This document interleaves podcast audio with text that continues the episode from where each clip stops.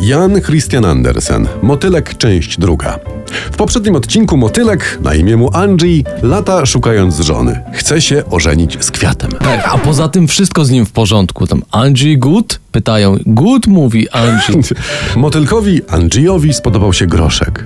Bardzo miłe kwiatki, pomyślał sobie. Powapić cnota razem nic lepszego nie znajdę i dawaj się oświadczać. Odważny, tak bez zapoznania się, bez rozmów, bez spacerów, bez miziania po łodyżce. No i Angie. Angie, Angie. Angie wylądował obok kwiatka, ale patrzy, a obok leży coś takie pokurczone i żółte.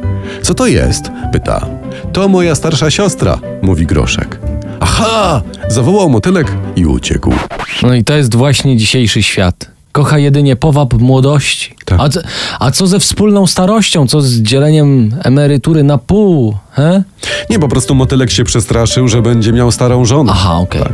I znów latał, szukając kandydatki.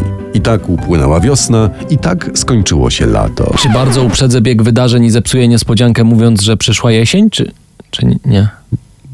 nie? Okej, no to przyszła jesień. Przyszła jesień. W nowe barwy przebrała ogrody, otworzyła nowe kwiaty, O, ale... widziałbym to jako tatuaż. Jesień Prawda. w nowe barwy przybrała ogrody, otworzyła nowe kwiaty, tak na ręce wytatuowane. Ładne. Ale te kwiaty nie miały zapachu.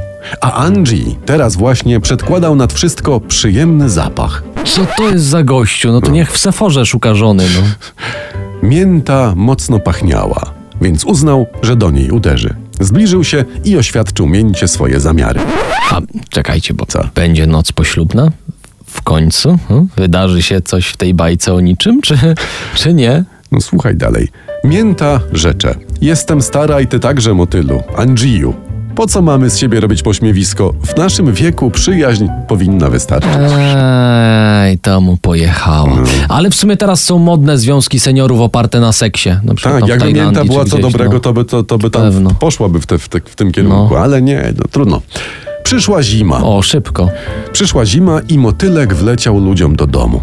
Ale dzieci pochwyciły go, przekuły szpilką i umieściły w pudełku. Znowu tragedia Andersen. Siedzę jak kwiat na łodyżce, rzekł y, Angie. Przypomina mi to stan małżeński, bo kto się ożeni, musi także osiąść na jednym miejscu. A żona Andersen na to czytała? Yy, no, Andersen nie miał żony, Aha. a jego ciotka, ciotka Andersena, prowadziła burdel w Kopenhadze. Taka, taka ciekawostka. To dużo wyjaśnia. Co ważniejsze, sponsorem tego odcinka jest Stasz Marpol, wiodący producent grzebieni z latarką. Grzebień z latarką, byś mógł przeczesać lochy.